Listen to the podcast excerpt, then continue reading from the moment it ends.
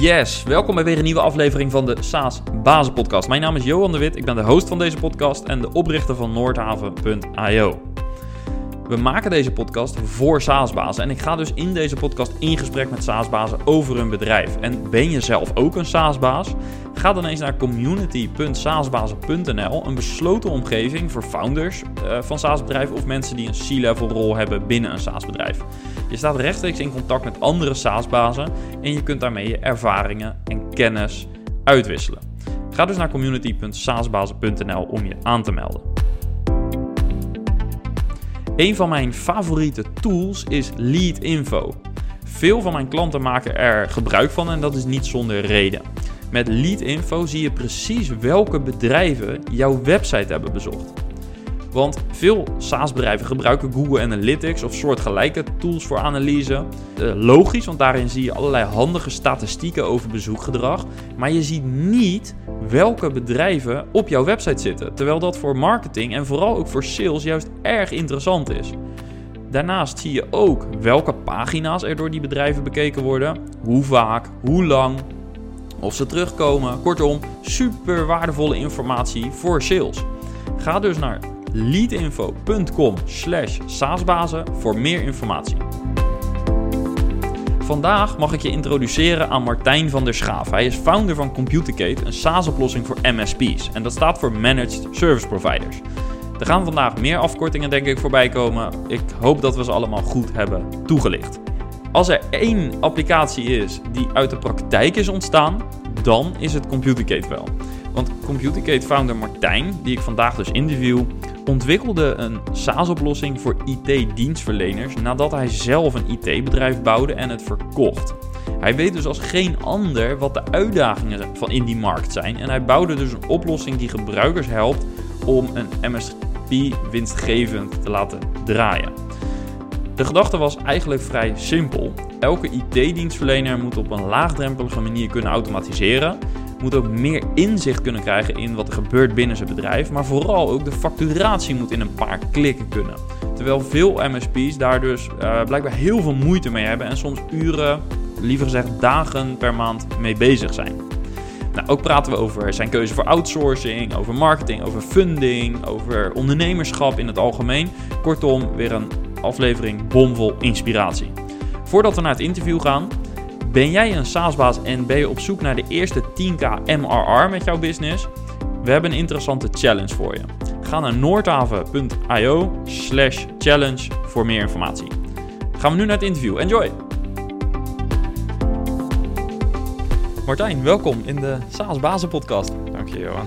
Leuk uh, dat we vandaag over jouw business uh, mogen gaan hebben, ja. Computercate. Um, maar voordat we dat gaan doen, um, misschien is het leuk om jezelf te introduceren. En ik wil je eigenlijk vragen om uh, nou, mij en de luisteraar een paar jaartjes mee terug in de tijd te nemen. Ja. Um, want uh, nou, is jouw huidige SaaS-business. Maar dat is tot stand gekomen uit een andere business, uh, een MSP-business. en misschien kun jij ja, jezelf op die manier introduceren. Dus hoe ja. heeft dat, die route eruit gezien?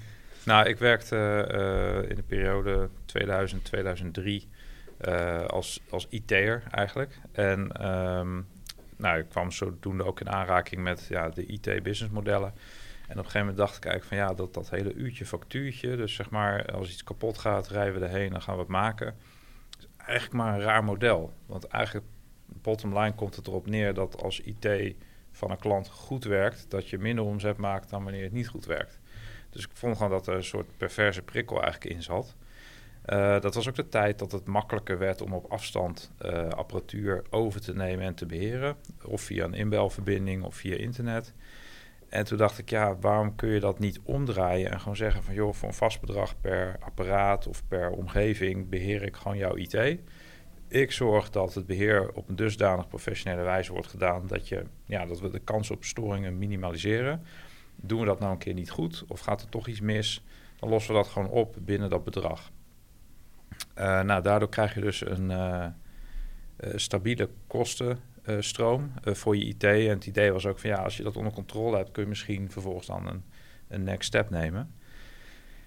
nou, dat, dat model, daar heb ik toen een businessplan voor geschreven. En dat nou ja, gaan, eigenlijk gaan uitbouwen, de eerste klanten aansluiten. En toen kwam op een gegeven moment het fenomeen, ja, ik ga eigenlijk elke maand ga ik omzet factureren. recurring omzet. Nou, ik zocht een systeem waarmee ik dat kon doen. exact kon dat standaard niet. snelstart, nou, al die systemen hadden die functionaliteit niet. bij sommige kort laten bouwen, maar ja, dan was je weer een consultancy traject verder. Dus het idee was op een gegeven moment van, joh, kunnen we daar niet een simpel webtoeltje voor bouwen? Nou, we hadden toen ook mensen die uh, webdevelopment deden. We hadden toen ook een model dat we zeiden van, joh, als die IT-infrastructuur onder controle is, dan kunnen we daarna met webapps bijvoorbeeld uh, procesautomatisering gaan doen. Dus toen hebben we een tool gebouwd waarmee klanten, uh, of sorry, waarmee wij klanten konden invoeren en de contracten konden aanmaken en dat elke maand op basis van gebruik al dan niet met een aanpassing konden factureren. Nou, vervolgens hadden we zoiets van, nou ja, als die klanten er toch in staan, laat dan ook de tijdregistratie toevoegen. En nou, eigenlijk over de jaren groeide dat uit tot een volledige, bijna een ERP-tool. Met ticketing, integraties, uh, facturatie, projectmanagement, uh, nou, tijdregistratie, rapportages, et cetera. Alleen voor jullie zelf? Ja, klopt. Intern? Ja, ja, dat was inderdaad, ja, we hadden niet echt het idee van, nou, daar moeten we wat mee. Um, nou, dat veranderde in um, ehm, 2015. Toen stond ik eigenlijk op het punt van, ja, wat ga ik nou doen? Uh, autonoom doorgroeien, bedrijven overnemen... of misschien uh, het bedrijf uh, verkopen en op laten nemen in een groter geheel. En in die zoektocht kwam ook de vraag voorbij van... ja, moet ik nou nog steeds met een MSP-bedrijf... een aparte software development tak blijven aanhouden... Want misschien is er ondertussen wel iemand die gewoon iets op de plank heeft wat veel beter is dan wat wij hebben en moderner. En kan ik dat kopen? Nou, toen kwam ik er eigenlijk achter dat er ja, de twee partijen die vanuit Amerika eigenlijk op deze markt actief waren, dat dat eigenlijk nog steeds de enige twee serieuze opties waren. Um, nou, er waren zeker in die tijd nog wel wat op- en aanmerkingen op die systemen. Het had onder andere te maken met uh, datumnotatie. Een van die systemen die, die wilde je de Europese markt op met Amerikaanse datumnotatie. Hm. Of uh, een, een bedrag van uh, zeg maar uh, 1500 euro, euro, werd dan 1,5 geschreven in plaats van 1,5, dat soort dingen. Dus was niet optimaal voor deze kant van, van de wereld. Um, en ik dacht ook van ja, eigenlijk wel een beetje raar dat je, dat je maar kan kiezen uit twee platformen eigenlijk. Er kwam ook nog bij dat die platformen eigenlijk gemaakt waren voor het uurtje-factuurtje model. Dat, dat was hun oorsprong. En uh, ja, die, die automatisering, dus het factureren op basis van devices en gebruikers, et cetera, wat wij eigenlijk in 2010 al deden, ja, dat konden die systemen niet. Nee. Dus ik dacht, ja, dat, dat, dat kan gewoon niet waar zijn. Ja. Dus um, we hebben meteen een behoorlijke deep dive gemaakt in de wereld van de MSP. Misschien goed om uh, voor de luisteraar die de term misschien niet kent, ja. uh, om dat even kort toe te lichten. Ja, MSP is Managed Service Provider. Vroeger heette dat gewoon ja, de, de afdeling IT, intern of extern.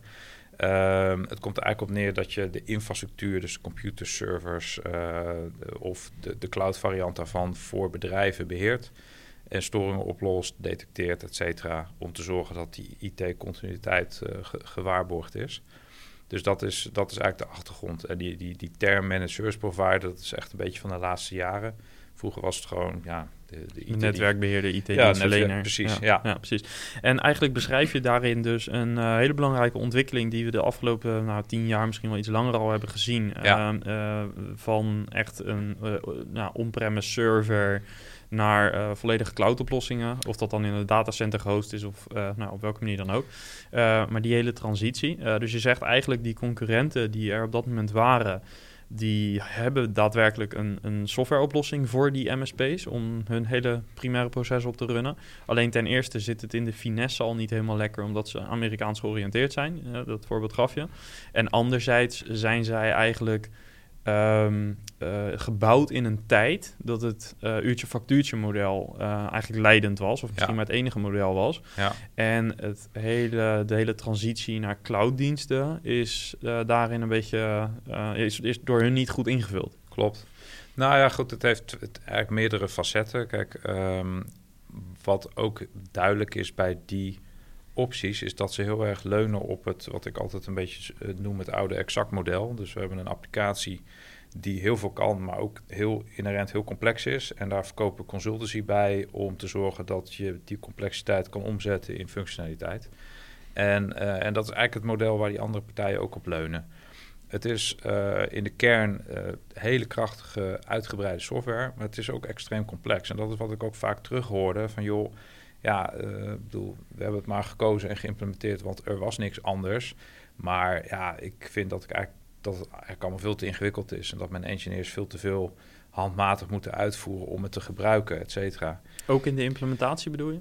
Uh, de, beide, implementatie en gebruik. Ja, dan heb je bijvoorbeeld, ja, dan heb je het over een, uh, een implementatietraject van enkele maanden om gewoon ja, je, je basale IT-processen die op zichzelf niet bijst ingewikkeld hoeven te zijn, om die in, in een stukje software te gieten. En, um, en dat, dat komt ook een beetje, ja goed, die, die systemen zijn ooit gebouwd en die zijn over de loop der jaren uitgebreid en steeds meer functionaliteit bovenop gestapeld. Al dan niet door externe stukken code bovenop de huidige code te plakken, waardoor je ook meerdere frameworks boven elkaar gestapeld krijgt. Ja, dat is een beetje de evolutie van zo'n systeem. Maar daardoor is het ook heel moeilijk aan te passen. En uh, het is ook heel lastig om dan te zeggen van nou goed, we hebben nu een heel complex groot systeem. Uh, waar je bij wijze van spreken een land mee kan besturen, zeg ik altijd voor de grap. Maar misschien zit er wel een kern van waarheid in. En ga dat maar eens terugmanagen naar iets wat eenvoudig en, en begrijpelijk is. Ook voor MSP's die misschien 5 tot 15 mensen hebben. En dus helemaal niet de budget om drie maanden consultants nee. in te huren om maatwerk nee. te maken. Precies. Wat ze twee maanden daarvoor bij een andere vergelijkbaar bedrijf hebben gedaan. Ja, precies. Nou ja, goed. En, en zelfs groter zie je ze dat, die, die, die dat niet doen. En dat was ook wel een ding wat we opviel. Dat eigenlijk de, in de markten waar die partijen actief zijn... is hun maximale marktaandeel uh, onder IT-dienstverleners is 50%. Dus de andere helft die heeft of niks, of die heeft point solutions, of die, nou ja, goed, of die doet met Excel dingen. Uh, we komen van alles tegen. Maar het geeft in mijn optiek althans ook een beetje aan dat dus voor een groot deel van de markt de oplossing dus inderdaad geen goede fit is. Um, nou ja, goed, dat is in het uurtje-factuurtje model uh, is dat een feit. Maar wat ik tegelijkertijd ook zie, is dat de behoefte aan die automatisering eigenlijk door die transitie van de markt van uh, uurtje factuurtje en een server op locatie naar alles uh, cloud, remote en subscription-based ook echt wel een noodzaak aan het worden is. Want als jij, uh, ik noem maar wat, Office 365 Business Essentials verkoopt, dat is een licentie van uit mijn hoofd 4 euro per maand. Nou, daar zit dan misschien 50 cent marge op, op één licentie, ik noem maar wat. Ja, als jij daar elke maand een kwartier aan moet besteden om het aantal te tellen en recht te zetten in je facturatie, ja, dat kan eigenlijk al niet meer uit. Nee. En uh, we zien ook dat de gemiddelde IT-dienstverlener heeft zeg maar vier of vijf van dat soort diensten bij zijn klant draaien. Dus een, ja, een Office 365, misschien een Azure Active Directory, een uh, antivirusplatform. Uh, nou, verzin het, een verzameling van diensten, misschien nog IP-telefonie. Allemaal op basis van aantallen, gebruik per maand, uh, soms nog met een consumptiemodel erachteraan. Ja, op een gegeven moment is dat niet meer te overzien. Ja, misschien hosten desktop oplossingen waarbij de ene gebruiker heeft uh, vijf applicaties, de andere heeft er zeven. Precies. En dat dus eigenlijk is de praktijk bij uh, heel veel van die MSP-bedrijven dat ze nog heel veel met Excel bezig zijn. Elke maand weer bij de facturatieronde ja. of week uh, handmatig werk moeten doen. En ja. eigenlijk heb je gezegd van ja, dat, dat wilde ik oplossen, want de anderen doen dat niet voldoende of ze doen het helemaal niet. Of als ze het doen, uh, moet je raketgeleerde zijn. Uh, gebruikte je ook als term in de voorbespreking. Ja, ja, klopt. Ja, nee, maar dat is het. Het, het, het is een... Um, de, de, de, de onboarding hurdle is gewoon heel hoog om zo'n stap te maken. Om je, sowieso is dat al voor een IT-dienstverlener of voor elk bedrijf om je hele proces in een platform te stoppen. En als dat dan ook nog eens een heel ingewikkelde exercitie is, ja, dan, dan wordt de, ja, de urge om dat te doen, die wordt dan zeg maar wat minder. Uh, maar tegelijkertijd is dat wel de beweging die je ziet. Dus het, ja, je moet die automatiseringsslag maken. Uh, ik bedoel, ik heb uh, MSP's gesproken die gewoon letterlijk zeiden van ja, ik, heb, ik verkoop uh, antivirus van, uh, nou doen we wat EZ. En dan krijg ik elke maand krijg ik een factuur en er staat op uh, 823 licenties voor september of oktober. En die moet dan met de hand uit gaan zoeken hoeveel licenties voor welke klant zijn. En uiteindelijk doen ze dat dan maar niet. En dan factureren ze of niks, of dan maar wat de vorige maand was. En dan hopen ze dat het klopt. Ja, dan gooien ze gewoon elke maand geld weg. En dat, dat, ja, dat, dat kan natuurlijk niet. Dan nee. kun je niet een, een gezonde business opdraaien.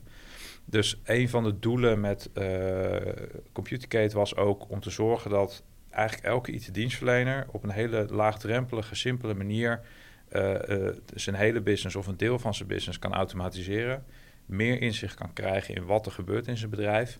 En dus ook die, ja, die, die facturatie kan automatiseren zonder dat hij ja, door, door zo'n heel zes maands uh, duur implementatietraject hoeft.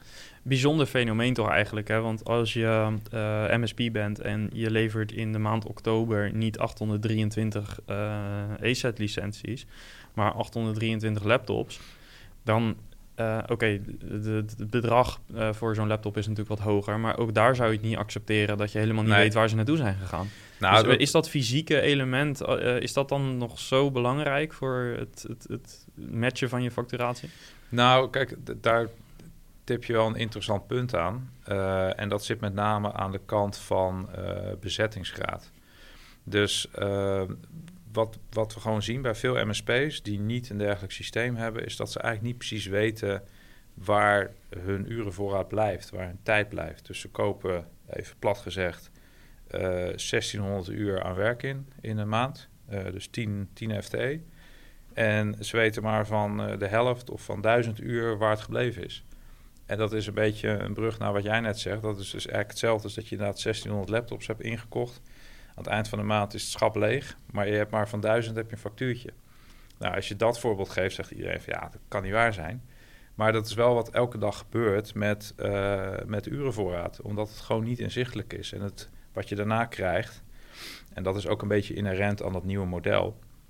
Kijk, vroeger uh, in het uurtje-factuurtje model stuurde je iemand naar een klant en dan uh, ging hij daar de hele dag aan het werk. Nou, dat was je bezettingsgraad, dat was je facturatie, uurregistraties, gewoon één uur of één dag, acht uur. Super overzichtelijk, makkelijk. Ja, halve dag, uh, vier uur. en nu, diezelfde engineer die vroeger naar één klant ging de hele dag, die helpt nu 50 klanten door elkaar heen op een dag. Nou, houd daar nog maar eens accuraat van bij, waar, hoe lang je voor welke klant bezig bent geweest. En dan heb je nog een heel ander fenomeen, namelijk waar die klant wel of niet recht op heeft. Dus hoe, hoe zorg je dat je dat vangt?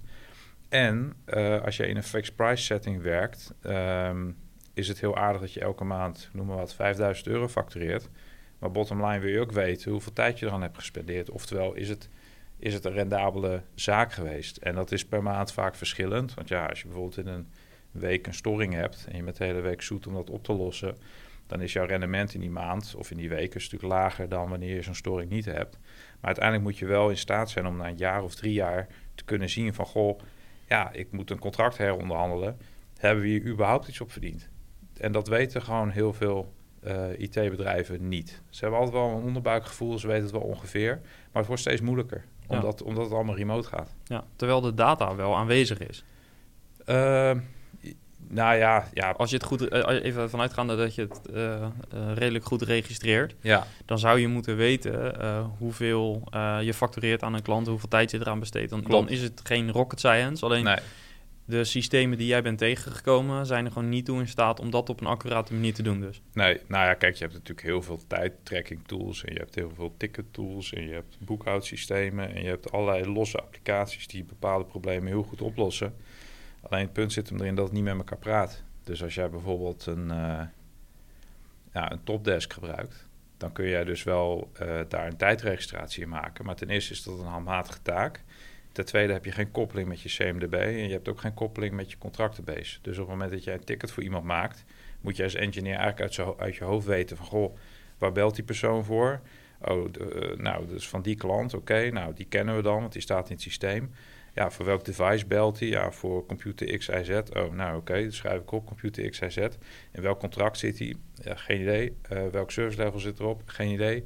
Is dit werk declarabel? Ook geen idee. Dat, dat is eigenlijk een beetje gechargeerd natuurlijk een beetje wel hoe het is. En daar komt dan aan het eind van de rit komt daar een uurregistratie uit. Nou, wat gebeurt er dan? Dat wordt dan naar een Excel gezet of naar een CSV. En dan gaat die business owner, gaat regel voor regel uitzoeken of daar wel of niet een factuurtje voor gestuurd moet worden. Dat is natuurlijk ook een onderhoudbaar model. Zeker als je op een gegeven moment groter wordt. Dus ja, eigenlijk het, het, het feit dat het niet in een geïntegreerde tool zit en geen koppeling heeft met jouw afspraken, dus je contractenbase en de assets die je op dat moment in beheer hebt, et cetera. Ja, maakt gewoon dat het best wel een complex uh, organisatorisch verhaal wordt. Ja. En het is ook niet echt een hele voorspelbare business. Want je weet, je weet eigenlijk ook niet zozeer wat eraan gaat komen. Uh, ja, nee. Uh, dat hangt ook een beetje vanaf hoe je het beheer inricht. Kijk, als jij... Uh, bijna elke MSP heeft een remote monitoring tool. Dus die installeert een stukje software op een computer bij een klant. En daardoor kan die continu in de gaten houden van... Goh, uh, draait dat ding nog? Staat de virusscanner er nog op? Geeft die foutmeldingen? Loopt de disk vol? Dat soort zaken. Uh, en dat kun je in principe voor de hele IT-omgeving doen. En daardoor kun je zelf uh, ja, gewoon meldingen signaleren en ook dingen aanzien komen. Dus als jij op een gegeven moment een threshold hebt op een disk die vol loopt, ik noem maar even een simpel voorbeeld, kun je daarop acteren voordat dat ding daadwerkelijk vol loopt. Um, dus dat inzicht heb je. En, um, uh, en, en, en daardoor kun je het voorspelbaar maken. Dus, maar goed, je hebt wel die data nodig om uiteindelijk ja, de voorspelbaarheid in, in stand te houden. En ook met je bezettingsgraad bijvoorbeeld te kunnen zien wat, wat, wat gebeurt er met mijn tijd en hoeveel tijd besteed ik nou op basis van een team of een persoon of met een hele bedrijf. Hoeveel van alle tijd die beschikbaar is, besteden we nou daadwerkelijk aan klanten. Dus hoe, hoe efficiënt werken we? Ja. Nu heb je heel veel uh, issues opgenoemd eigenlijk, die, uh, waar je zelf ook tegenaan bent gelopen, die ja. je eigenlijk in jouw uh, eigen bedrijf wilde oplossen. En uh, dus uiteindelijk zelf software bent gaan ontwikkelen daarvoor. Um, je noemde het jaartal 2015 als moment dat je uh, nou ja, voor de keuze stond. Uh, ga, wat ga ik nu doen? ga ik ja. dit verkopen? Ga ik de business... Nou, wat, wat voor keuze ga ik maken? kan je er iets over vertellen hoe dat proces is gegaan en wat het uiteindelijk is geworden? Ja, nou ja, goed, het was inderdaad...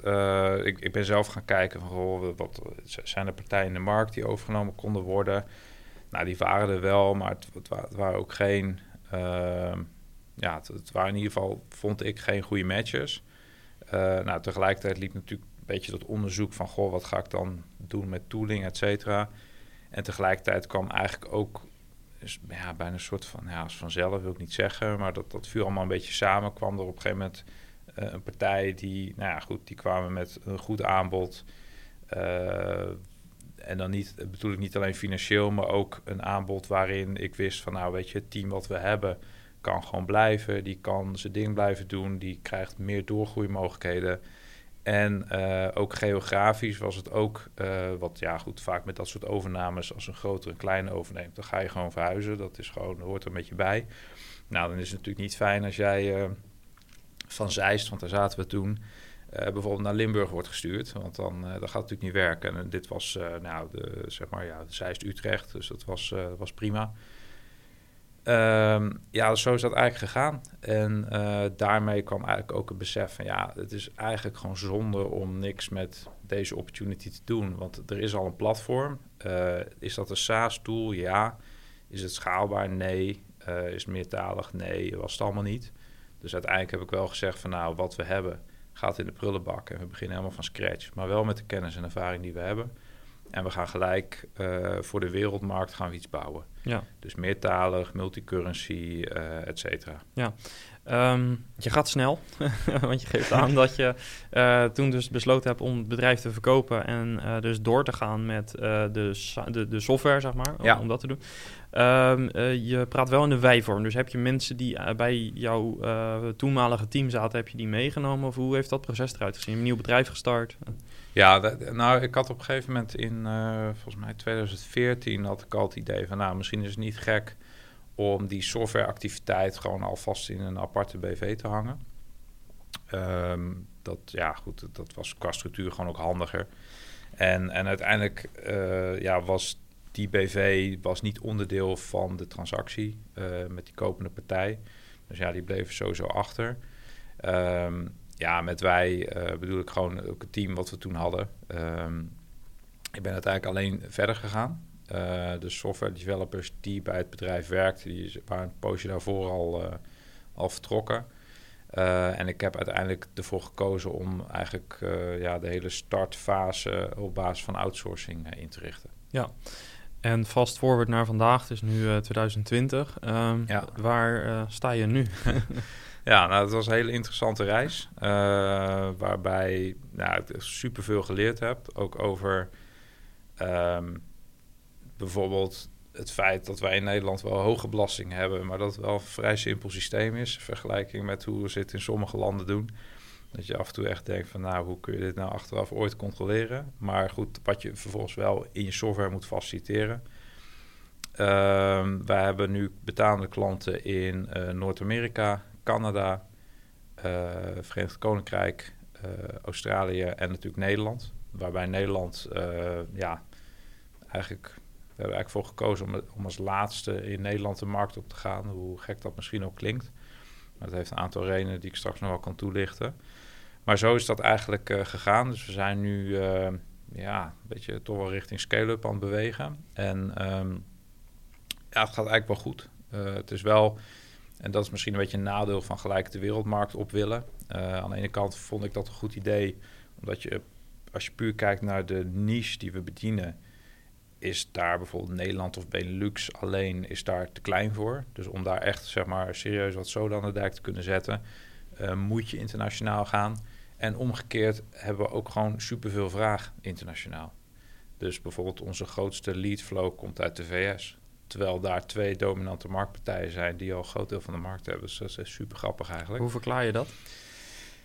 Ja, nou, het, heeft twee kanten. Je hebt natuurlijk de helft van de MSP's daar die nog niks geregeld heeft. En die toch elke maand dan weer, ja, uh, misschien na drie dagen uh, en trekken, die facturatie eruit hebben gekregen. En denken van ja, ik moet toch eens een keer wat gaan regelen. En we zien toch ook best wel veel partijen die een keer een van die andere systemen hebben gekocht. En toch denken van ja, goh, weet je, ik wil eigenlijk gewoon niet simpels. Het is allemaal veel te log en te, en te veel gedoe. Ik wil gewoon met één klik van een goedgekeurde offerte een factuur kunnen draaien. In plaats van dat ik zes handmatige acties moet doen in, in het systeem om hetzelfde te bereiken. Ja. Dus, dus dat is een beetje het verhaal. We hebben ook best wel aardige uh, marketing uh, kunnen doen in Amerika. Uh, onder andere partnerships met remote management partijen. Waarvan er eentje helaas door een van onze concurrenten is overgenomen. dus dat was even voorbij. Maar het heeft er wel voor gezorgd dat wij in heel veel blogs en artikelen en, en allerlei publicaties nog steeds genoemd zijn en gelinkt. Ja, en daar hadden we gewoon heel veel referral traffic vandaan. Dus ja, wat is uh, de grootste uitdaging in de Nederlandse markt? Uh, nou ja, dat zit hem. Uh, de Nederlandse markt is heel leuk. er zijn veel partijen, er zijn ook veel partijen die nog niks geregeld hebben, ook grotere partijen. En dan heb groot bedoel ik bijvoorbeeld nou 80 man waar we mee praten. Dat je ja, het is gewoon bijna knap dat ze zo groot zijn geworden zonder dat soort, dat soort tooling. Ja, je, je, de luisteraar ziet dat niet, maar je kijkt gewoon een beetje verbaasd dat je inderdaad ja. ja. zo, zo, zo ja, mag ik zeggen, slecht georganiseerd bent.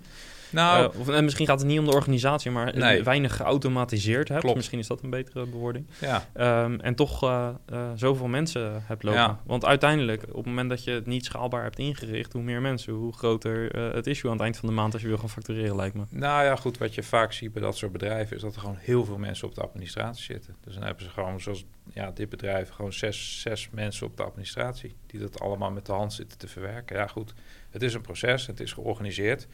Ja, ik vind niet heel efficiënt. Uh, en ik denk dat de kans op fouten gewoon veel groter is dan die zou moeten zijn. Maar nou, dat en is... wat ik er wel fascinerend aan vind, is dat uh, veel van dit soort bedrijven hebben de term automatisering in hun bedrijf. Hè? Ja, dus, uh, ja. ICT-bedrijf, automatisering. Ja. Dus je zou verwachten, als er een markt is waar ze zoveel mogelijk willen automatiseren, dan is het toch wel de MSP-markt. Maar dat is dus niet zo. Nee, bij de loodgieter lekt de kraan. dat, zie je niet anders.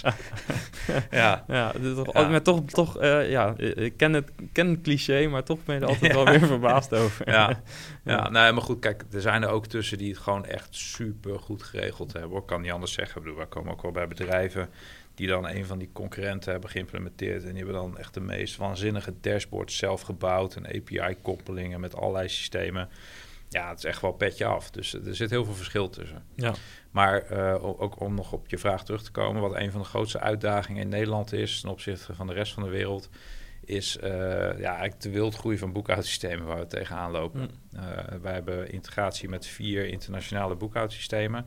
Nou, eigenlijk in 90% van de gevallen buiten de Nederlandse grens heeft iemand zo'n systeem. Dan heb je het over Xero, FreshBooks, uh, of QuickBooks. ja, ja, ja, dat soort systemen. Eh, en in Nederland hebben we om een of andere reden echt gewoon, ja, dit is een stuk of dertig verschillende boekhoudsystemen. En lijkt het erop alsof iedereen iets anders gebruikt. Dat is echt een, eh, een heel typisch fenomeen. Dat realiseerde ik me nooit. Ik wist natuurlijk wel dat je in Nederland veel keuze had, maar ja, dat, dat dat toch best wel bijzonder is, dat, Ja. eh, dat, dat wist ik niet. Nee, klopt. Ik heb er eh, nu al twee in de podcast gehad en er staan er nog twee gepland voor de komende weken. En dat, zijn, dat is dan nog maar een klein deel. Ja, nou, dat zie je dus ook, dat Ja. er nog, ook nog steeds gewoon eh, systemen bij komen. Dus eh, zeker. Ja. ja, nee, dus, dus dat. En ja, en verder ehm, in Nederland, ja, ik vind het gewoon een hele leuke markt. Ook omdat je, nou goed, met corona is het natuurlijk wat minder geworden, maar ja, ook dat je af en toe onsite bezoeken kan doen, weet je wel, en demo's, dat, dat is toch een hele andere dynamiek dan alles remote, wat we natuurlijk met die eh, buitenlandse klanten doen. Ja. Dus ik, eh, ja, ik vind het heel leuk en er is nog een hoop te doen. Ja. Eh, nu gaf je al aan dat de, de- je hebt het steeds over de twee grote Amerikaanse concurrenten, zeg Ja. maar. Ehm, dat, dat is ook SaaS. Ehm, je, je, je, je schudt een beetje van ja, het is wel een beetje SaaS, maar ook niet helemaal. Ja, wordt een beetje definitiediscussie. Als jij een on-prem installatie eh, doet op een server die je voor je klant host, is het dan SaaS. Ja, Hm. strikt genomen wel, maar het is niet, het is niet zeg maar, de, de, ja, de, de SaaS zoals, zoals je vandaag een SaaS-applicatie Nee, precies. Maakt Nee. verder niet uit, maar is, nee, maar ik ben het met je eens. Ik kan daar, Ja. eh, ja, eh, daar goed in mee. Ehm, eh, maar daarnaast een ander ding was dus, er is veel consultancy nodig. Ja. Ehm, je hebt dat eigenlijk geprobeerd om dat zoveel mogelijk uit te halen, om die consultancy overbodig te maken door het product zo gebruiksvriendelijk te maken en die features erin te bouwen dat, eh, dat het simpelweg niet nodig is. Ehm, welke impact heeft dat op de pricing en op de onboarding? Dus eh, hoe ziet jullie pricingmodel er ongeveer uit? En ehm, stel, ik ben een MSP en ik wil mijn hele proces eh, bij jullie gaan onderbrengen in jullie tool. Hoe ziet dat proces eruit? Eh, nou goed, kijk, eh onze pricing is eh, heel simpel en transparant. 49 euro per gebruiker per maand. Daar krijg je alle features voor die we vandaag hebben, maar ook over een jaar of over twee jaar. Dat is echt een duidelijke keuze geweest om niet heel veel development tijd ook te gaan steken in het uitkleden van het pakket en allerlei ja, vinkjes en opties met upsells te bouwen, maar gewoon straightforward. Ook omdat we geloven dat je het meeste uit het systeem haalt als je het volledig gebruikt en Ja. niet maar een deel. Uh, dus dat is ook altijd wel wat we aanraden van joh, ga nou niet proberen te beknibbelen door bijvoorbeeld de boekhouder dan niet in het systeem te laten werken, want dan heb je nog steeds geen volledig inzicht in je, in je tijdsbesteding. Want ja, uh, een contract muteren voor een klant kost ook tijd en dat gaat uiteindelijk ook ten koste van je marge op dat contract. Dus, uh, dus dat. ten tweede hebben wij onboarding packages en soms worden die wel afgenomen, soms niet hangt er een beetje vanaf hoeveel ervaring een uh, MSP zelf al heeft. Wat we vaak zien is dat het omzetten van het proces zoals dat ja, al een tijdje bestaat in de hoofden van alle mensen op, nou, in een softwarepakket of überhaupt op papier, dat dat heel lastig is en dat daar eigenlijk vaak het, het, ja, de hulp uh, voor nodig is. Dus daar hebben we gewoon onboarding packages voor. Grofweg uh, kijk je naar een, een implementatietraject van één tot enkele weken. Uh, ja, sommigen doen er langer over. Dat komt bijvoorbeeld door uh, nou ja, ja, diverse redenen. Projecten die lopen, geen tijd, druk. Ja, data niet, niet helemaal compleet op orde. Dat zien we ook nog wel eens. Weet je, dan importeren we bijvoorbeeld iemand zijn klantenbase. En dan staat het erin, dan gaan ze kijken en zeggen ze... oh, Oh, wacht, ja, dit was een import van een import van een import. Dus ik moet het eigenlijk nog even opschonen. nou ja, goed, dat, dat, kost dan weer een paar weken. Maar grosso modo kan jij binnen enkele weken live zijn. Het is, het is gewoon heel uh, simpel, straightforward. En uh, betekent niet dat software simpel is. Uh, maar het kan heel veel, maar we hebben het zo gemaakt dat, dat het gewoon eenvoudig in gebruik en implementatie is. Ja, alright. Um, nou, we hebben het vrij uitgebreid over het product gehad. Uh, je hebt een aantal andere dingen uh, gezegd waar ik ook wel benieuwd naar ben. Eén daarvan is het outsourcen. Ja. Uh, dus je hebt eerst in je MSP-business heb je een business gebouwd waarbij nou ja, je echt een eigen team had. Ehm, deze business heb je meer opgezet op basis van outsourcing. waarom heb je daarvoor gekozen? nou, dat had een aantal redenen. Het, het, een van de punten was gewoon ja, beschikbaarheid van developers.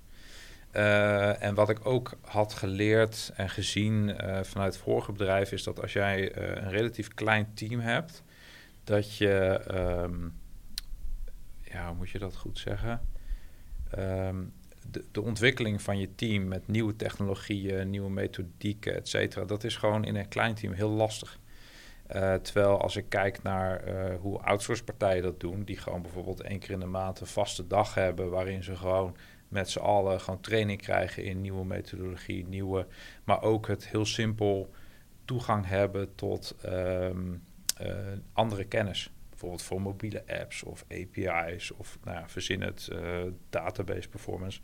Dat was voor mij een reden om daarnaar te kijken. Dus beschikbaarheid. Qua kosten, bottom line maakt het niet zo heel veel met in Nederland iemand op de payroll zetten. Maar je hebt wel de flexibiliteit. En daardoor konden we bijvoorbeeld ook in bepaalde sprints uh, tijdelijk mensen toevoegen en dan weer afschalen. Dus we hebben bijvoorbeeld uh, vorig jaar die, uh, die vijf boekhoudintegraties toegevoegd. Nou, dan stel je een extra team aan van vier man en dan ga je een paar maanden bouwen. tot het af is en je een paar iteraties hebt gehad op je, ja, op je eerste oplevering. En dan, en dan kun je het weer afschalen en dan ga je weer door. Dus dat, dat vond ik er heel fijn aan. Uh, ja, en uh, wat ik zeg, de, de, toegang tot, uh, tot resources. En wat ik ook een belangrijk ding vind, en dat heeft gewoon een beetje te maken met hoe de arbeidswet hier in Nederland in elkaar zit. Ik vind, voor, voor, vind het voor een start-up eigenlijk niet verantwoord om mensen op payroll te hebben risico. Te veel commitment en risico. Veel te veel risico. Ja. je hoeft maar één bed hire te hebben of iemand wordt ziek en je moet hem twee jaar doorbetalen en je, en je, en je bent, gewoon, je bent gewoon weg. Ja. Dus dat, dat, ja, ik wilde dat uh, niet doen. Nee. Um, voor SaaS-bazen die luisteren en die ook overwegen om dit te gaan doen, of misschien dit al eens gedaan hebben, maar wat minder positieve ervaringen hebben. Ja. Uh, wat is de 1% die het verschil maakt tussen het goed doen op basis van outsourcing of het minder goed doen. Dus wat is jouw echte beste advies om uh, dit te laten werken? Uh, nou ja, dat is eigenlijk zorgen dat je je, je hele delivery en test en deployment proces, dat je dat helemaal naar jezelf toe haalt. Dus je hebt eigen repository, je hebt eigen Jira instance of wat je ook wil gebruiken. Je hebt, uh, dat hebben wij dan in de repository, heb je eigen tooling om uh, de zeg maar, primaire codekwaliteit te meten. Uh, je doet meer oogprincipe, zet je erop. Dus die hele delivery straat, die zet je op. Die is van jou, dat is jouw proces. Die zet je helemaal strak. En je, je bouwt hem eigenlijk zo dat je bij wijze van spreken morgen je buurjongen mee kan laten bouwen aan het product. Die maakt een stukje code. Uh, die zet hem klaar en die wordt vervolgens door de code audit software afgeschoten, omdat er weet ik veel een functie in staat die altijd dezelfde uitkomst heeft. Noem maar iets. Uh, of, of er staat een hardcode paswoord in, of dat soort dingen. Nou, en die wordt vervolgens automatisch teruggeschoven op het bordje van die developers, dat die zijn werk aan moet passen. Nou, op het moment dat je dat goed voor elkaar hebt en je hebt ook een, een uh, vier ogen principe op opgeleverde code, dan kun je vrij goed zien uh, wat het niveau is van wat er wordt uh, opgeleverd.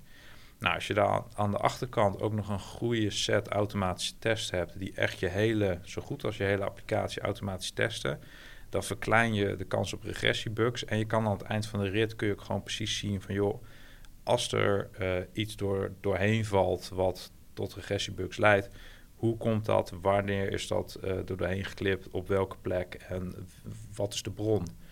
Uh, dus, dus wat je daar ook mee realiseert is dat als mensen iets opleveren wat niet uh, compleet is of niet kwalitatief goed, dan ga je op een gegeven moment ook zien dat de doorlooptijd van relatief simpele dingen bij bepaalde teams of mensen gewoon groter is dan gemiddeld. Dus, en op die manier kun je goed, goed grip houden op wat er gebeurt.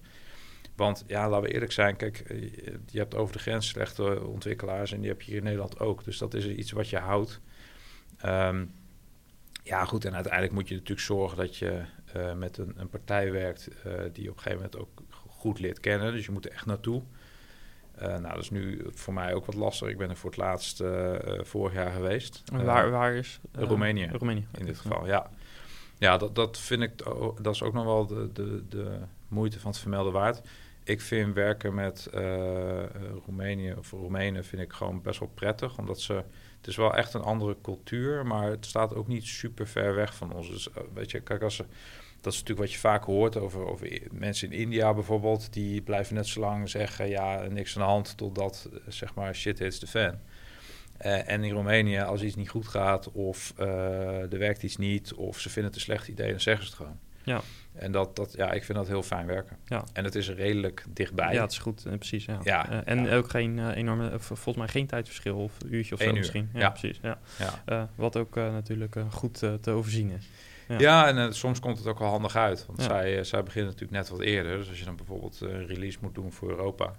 waar eh, downtime mee gemoeid is... dan kun je dat gewoon eh, buiten Nederlands kantoortijden eh, makkelijk Ja. eh, plannen. Mooi.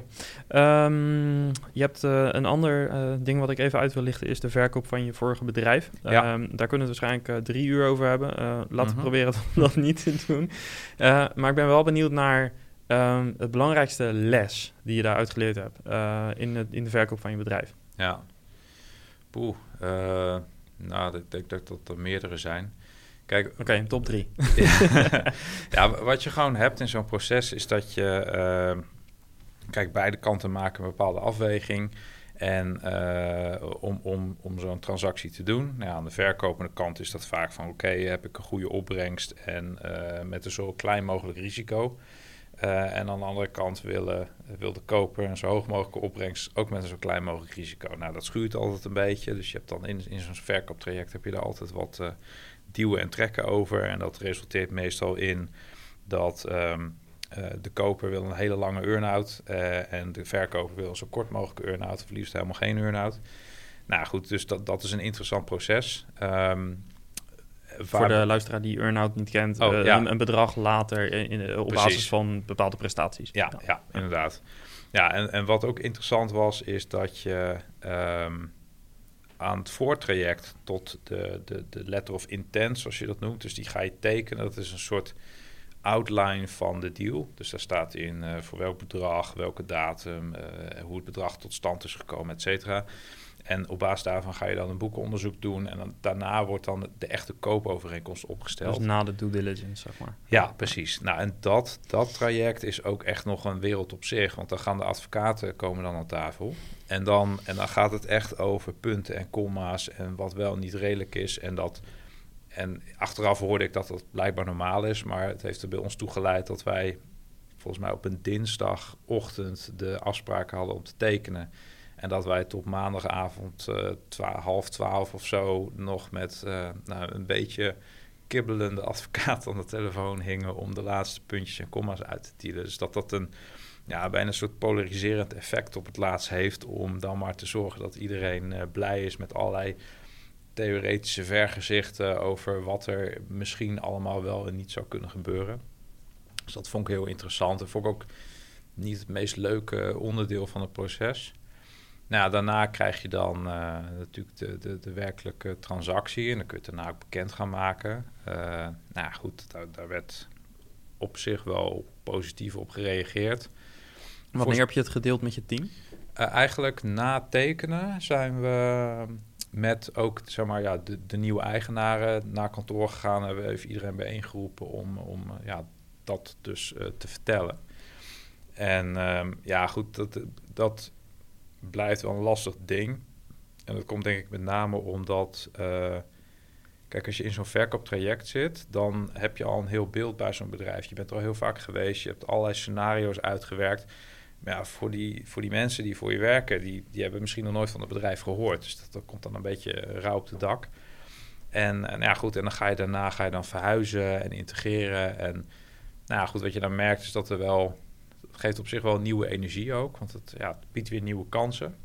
En wat, wat ook wel belangrijk is, en, en, ik weet in de praktijk dat dat niet bij elke overname geldt, maar ik vond het heel belangrijk, joh, iedereen blijft gewoon, iedereen houdt zijn baan, houdt zijn salaris, eh, komt in een grotere organisatie. Nou, toevallig, toevallig gingen we ook nog een heel mooi kantoor, dus dat, eh, dat was ook leuk.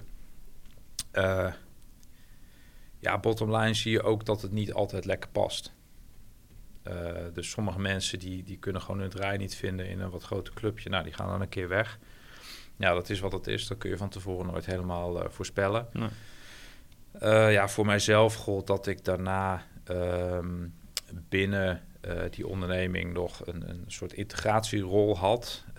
Nou, er waren ook wat afspraken over. Want ja, goed, er waren afspraken over resultaten van het bedrijf. En je kan natuurlijk resultaten alleen maar behalen op het moment dat je ook ja, het mandaat en de middelen hebt om ze te behalen. Dus dan spreek je bijvoorbeeld af van, joh, uh, iedereen blijft gewoon uh, binnen dezelfde PV op de, op de loonlijst staan. En ik blijf daar gewoon manager van, et cetera, et cetera. En je gaat geen mensen weghalen of je gaat niet taken verdelen. Nou, wil niet te veel woorden aan vuil maken, maar dat is bottom line uiteindelijk wat er wel gebeurde.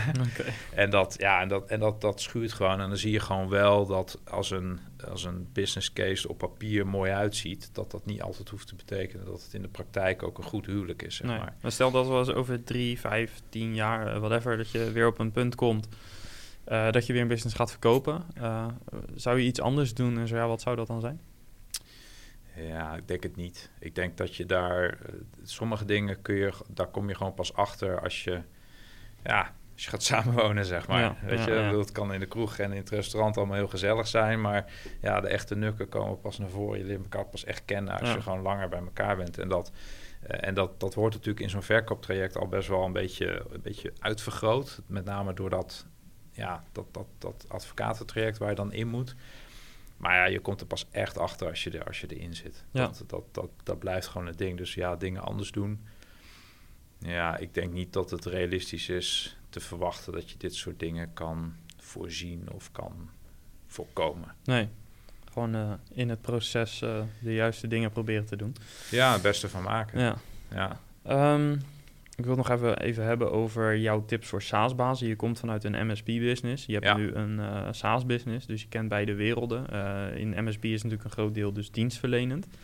Um, als jij nu, uh, nou laten we zeggen, als jij een dagje voor de klas zou mogen staan bij SaaS-bazen en je zou een les moeten delen of een inzicht, een best practice, iets wat binnen zo'n MSP-business, binnen een dienstverlenende business erg belangrijk is, wat ook binnen een SaaS-bedrijf bruikbaar is. Wat zou dat dan zijn? Oeh, um, als je een SaaS-bedrijf gaat bouwen, nou goed, wat, wat, wat wel een ding is, is denk ik, zorg echt dat je voldoende funding hebt om, om een goede basis te bouwen. Dat, dat is denk ik wel, en daar hebben wij ons ook wel een beetje in vergist, dat je gewoon uh, op het moment dat je, kijk, ik, ik, zie het altijd een beetje zo, je hebt eigenlijk twee soorten heel plat geslagen hoor. Twee soorten manieren waarop je een, bedrijf zoals een SaaS-bedrijf kan starten. De ene is dat je iets gaat doen wat nog nooit iemand heeft gedaan. En de tweede is, is dat je iets gaat doen wat al, wat al bestaat, maar dan beter. Het gekke is dat de partijen, uh, namelijk de gevestigde orde, die al zoiets doen, die hebben alle middelen en geld om, het, om zichzelf te verbeteren, maar die doen dat bijna nooit. Dus dan krijg je uh, dat dus, nou ja, een bedrijf zoals wij in dit geval uh, gaan proberen om een betere oplossing te bieden. Nou, daarmee zijn we natuurlijk dan een bedreiging voor de status quo. Dus dat is dan denk ik ook gelijk de reden waarom die bedrijven dat zelf niet doen. Um, maar wat je in zo'n businessmodel wel hebt, en dat is wel een ding wat ik me nu veel beter realiseer, is dat je ondanks dat je nieuw bent en ondanks dat de partijen die je bespreekt misschien niet zaken doen met je concurrent, word je bewust of onbewust wel functioneel naast die partijen gelegd. Terwijl als jij, en dan, en dan vergelijk het altijd van, joh, stel dat jij uh, dat auto's niet bestaan en jij gaat auto's bouwen. Uh, of nou, nu recent voorbeeld uh, natuurlijk commerciële ruimtereizen. Dat, dat kun je nu nog niet kopen. Maar het lukt die aanbieders van toekomstige ruimtereizen dus wel om iemand een paar ton te laten betalen voor het eerste kaartje van die ruimtereis die moet komen. Nou, als die ruimtereis er nu al zou zijn, dan ging natuurlijk niemand dat doen. Nee.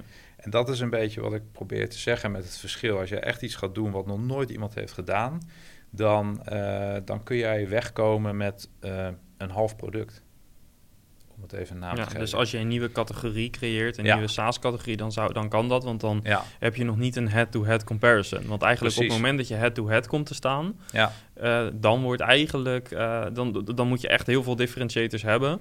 Maar zelfs dan nog is de vraag of dat herkend wordt, omdat ze de status quo gewoon gewend zijn. Precies. En, ja. Ja. Dus, dus dat is er wel één. Dus ja, zorg dat je, dat je gewoon voldoende funding hebt om echt iets serieus neer te zetten. En dat is in Nederland wel een probleem. Dat, dat vind ik wel. En uh, ik zie daar heel duidelijke verschillen, met name ook in de MSP-wereld, tussen hoe in Nederland om wordt gegaan met funding en hoe dat in Amerika gebeurt. En, en, en dat zie je ook gewoon netto in resultaat. eh, van die bedrijven en hoe hard ze groeien. Nou, ik denk dat dat wel is. Ja. Dit is wel een hele belangrijke. Ja. ja, ja. Ehm, alright. Ehm, dan nog eventjes naar ehm, de mensen met wie je werkt. Uh, je hebt al uitgelegd uh, hoe belangrijk het proces is van uh, je eigen ontwikkelstraat daarin bijvoorbeeld. Ja. Um, zit er een kans in dat er uiteindelijk toch een team gaat vormen binnen jouw organisatie met ja, eigen mensen? Zeker weten. En, en als dat gebeurt, wat is dan een echte eigenschap die je zoekt in iedere rol? Dus ongeacht de functie die iemand gaat invullen, wat wil je bij iedereen zien? ja, ownership en ondernemerschap. Dat zijn wel een beetje de dingen. Kijk, um, je wil dat als iemand, als je iemand neer gaat zetten als first man on the ground op sales bijvoorbeeld, of uh, een, een, een, technology uh, eindverantwoordelijke, en of je dat als CTO of iets anders uh, bestempelt, maakt niet zoveel uit. Dan moet je dat doen zodat je zelf tijd vrij krijgt voor dingen waar jij beter in bent dan wat die mensen dan doen. Ja, dan is het gewoon heel fijn dat iemand ook echt uh, dat ownership pakt en niet uh, in een mode zit van ja, jij moet vertellen wat ik ga doen of wat ik moet doen en dat is dan mijn baas. Dus ja, echt, echt een ondernemende houding, dat, dat vind ik wel belangrijk. Ja. Dan uh, nog even over jouw eigen rol. waar besteed jij eigenlijk te weinig tijd aan? Ja. waar zou je meer tijd aan willen besteden? ja, goed ik, ik denk dat dat divers is. Kijk, als oprichter word je altijd een beetje heen en weer geslingerd tussen uh, uh, aan de achterkant zorgen dat de juiste dingen gebeuren en dat de juiste features gebouwd worden en dat je je uh, bestaande klantenbase blij houdt en dat ze de juiste support krijgen, et cetera. En aan de voorkant ben je altijd bezig met, of zou je bezig willen zijn met uh, nieuwe sales, nieuwe marketing, blog schrijven, et cetera. En, en ja, of dat echt in de aard van het beestje zit, of dat dat gewoon bij de meeste mensen zo werkt, dat kan ik niet echt beoordelen. Maar ik merk in ieder geval dat uh, dat laatste wel een beetje het kind van de rekening is, zeg maar. Want ja, als ik op een gegeven moment moet kiezen van, joh, ga ik nu die nieuwe prospect bellen? Of ga ik die klant bellen die net een supportticket heeft ingeschoten om even te managen dat dat uh, niet de verkeerde kant op beweegt? Ja, dan ga ik toch dat laatste doen. Ja. Want ja, je gaat dan toch zeg maar, beschermen wat je hebt. Maar je hebt ook gewoon heel simpel het fenomeen. Um, kijk, als, als mijn development team ergens op vastloopt en die heeft een vraag, dan is het uh, twee uur laten liggen van zo'n vraag is echt heel duur. Ja, ja. Uh, weet je, gebeurt gelukkig niet vaak, maar dat, dat zijn wel dingen die moet je gewoon allemaal meewegen. Want je hebt gewoon een heel team wat gewoon wel aan de gang moet blijven, want anders ben je gewoon geld aan het verbranden. Uh, dus, dus ja, en dan krijg je dus automatisch, ja, een blog schrijven, ja, dat, dat, dat, dat is voor mij echt een hele opgave. Ja, dat, kijk, het, het, het, verschil is een beetje, het is beide denk ik belangrijk, maar het ene ja. is urgent en het andere is niet urgent. Want dat nou, blog, precies. als je die vandaag niet schrijft, kan je nog wel zeggen, ja, het, het effect daarvan, ja, ja. dat komt wel goed, doe ik volgende week wel. maar een klant of een uh, collega een week laten wachten, dat gaat niet werken. Dus nee. uh, er zit misschien meer in die urgentie.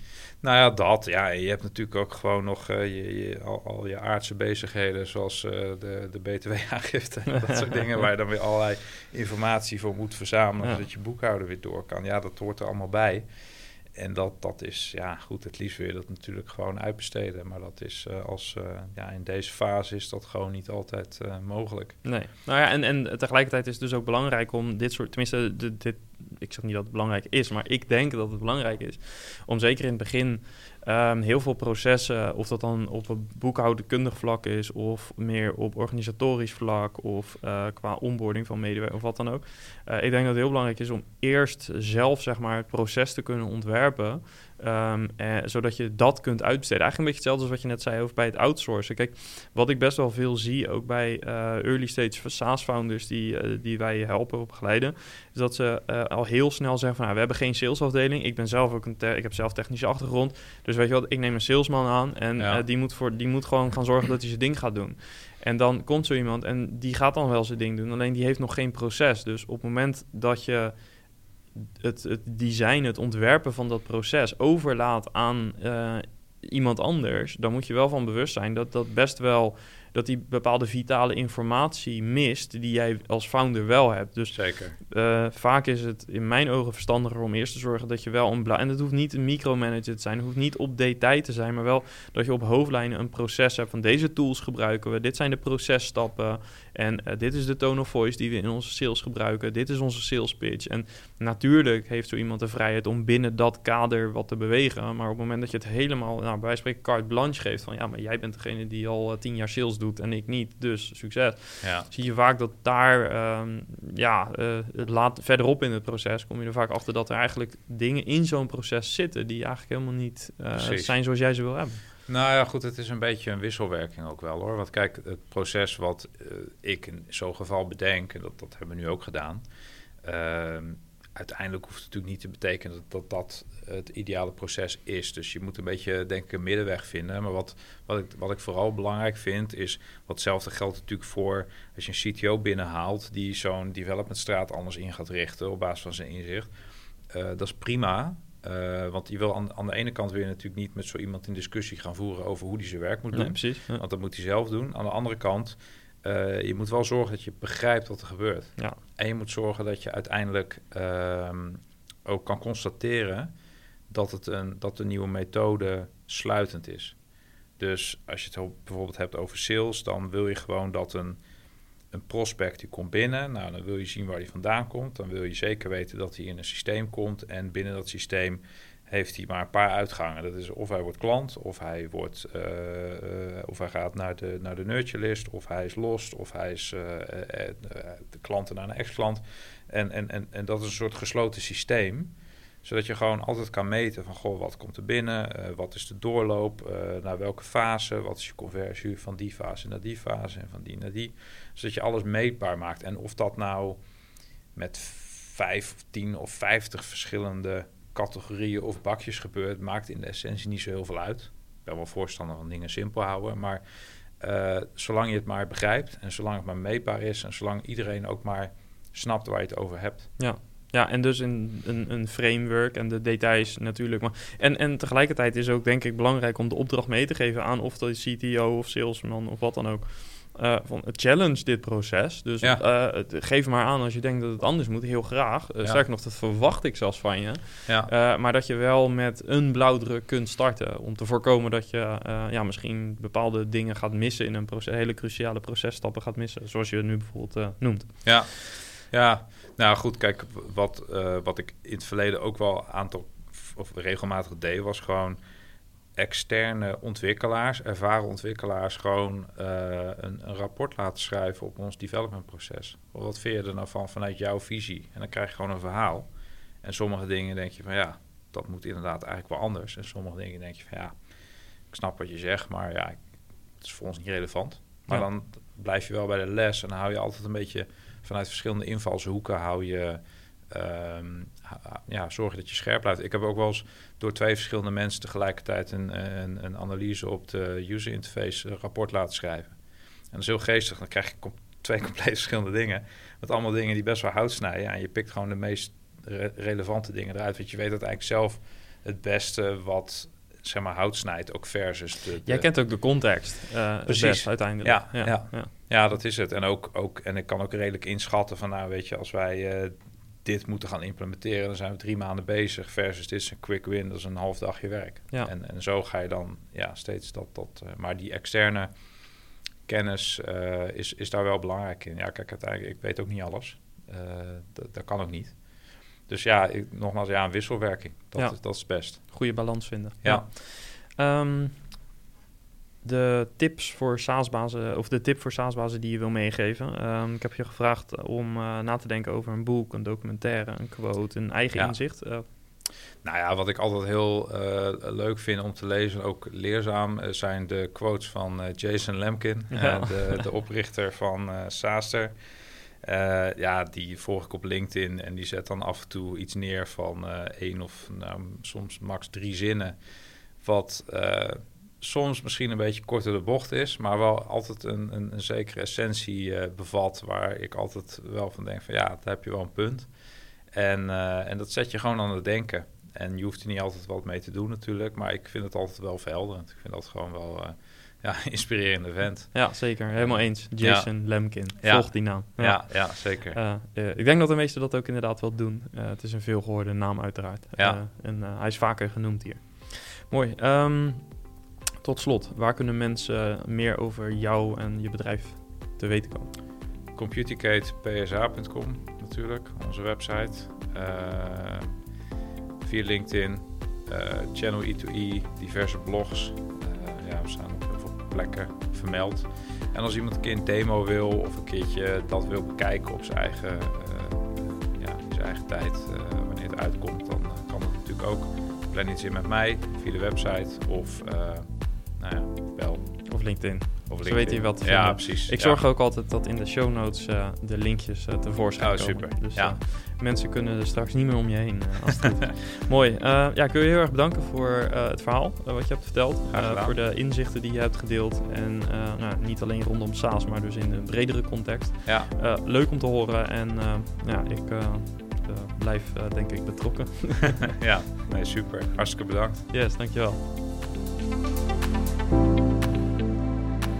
Elke ondernemer kent het wel. Elke maand mailen met je boekhouder over nieuwe werknemers, contractverlengingen, salariswijzigingen en ga zo maar door.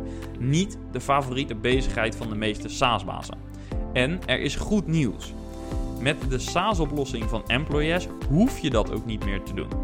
Het is dé oplossing voor moderne ondernemers die zelf de touwtjes in handen willen houden. Ga naar saasbazen.employes.nl om je account aan te maken. Luisteraars van de SaaS Bazen podcast krijgen bovendien drie maanden helemaal gratis.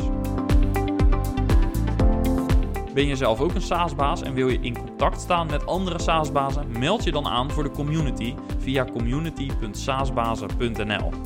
Of ben je net gestart met je SaaS-business en wil je onze roadmap naar 10k MRR ontvangen? Stuur een mailtje naar roadmap.noordhaven.nl en je ontvangt hem gratis. Was deze aflevering interessant voor je? Laat een review achter in jouw favoriete podcast-app of deel deze aflevering met een SaaS-baas uit je netwerk. Op die manier help je ons weer om meer SaaS-bazen te bereiken. Thanks voor het luisteren weer. Bye bye!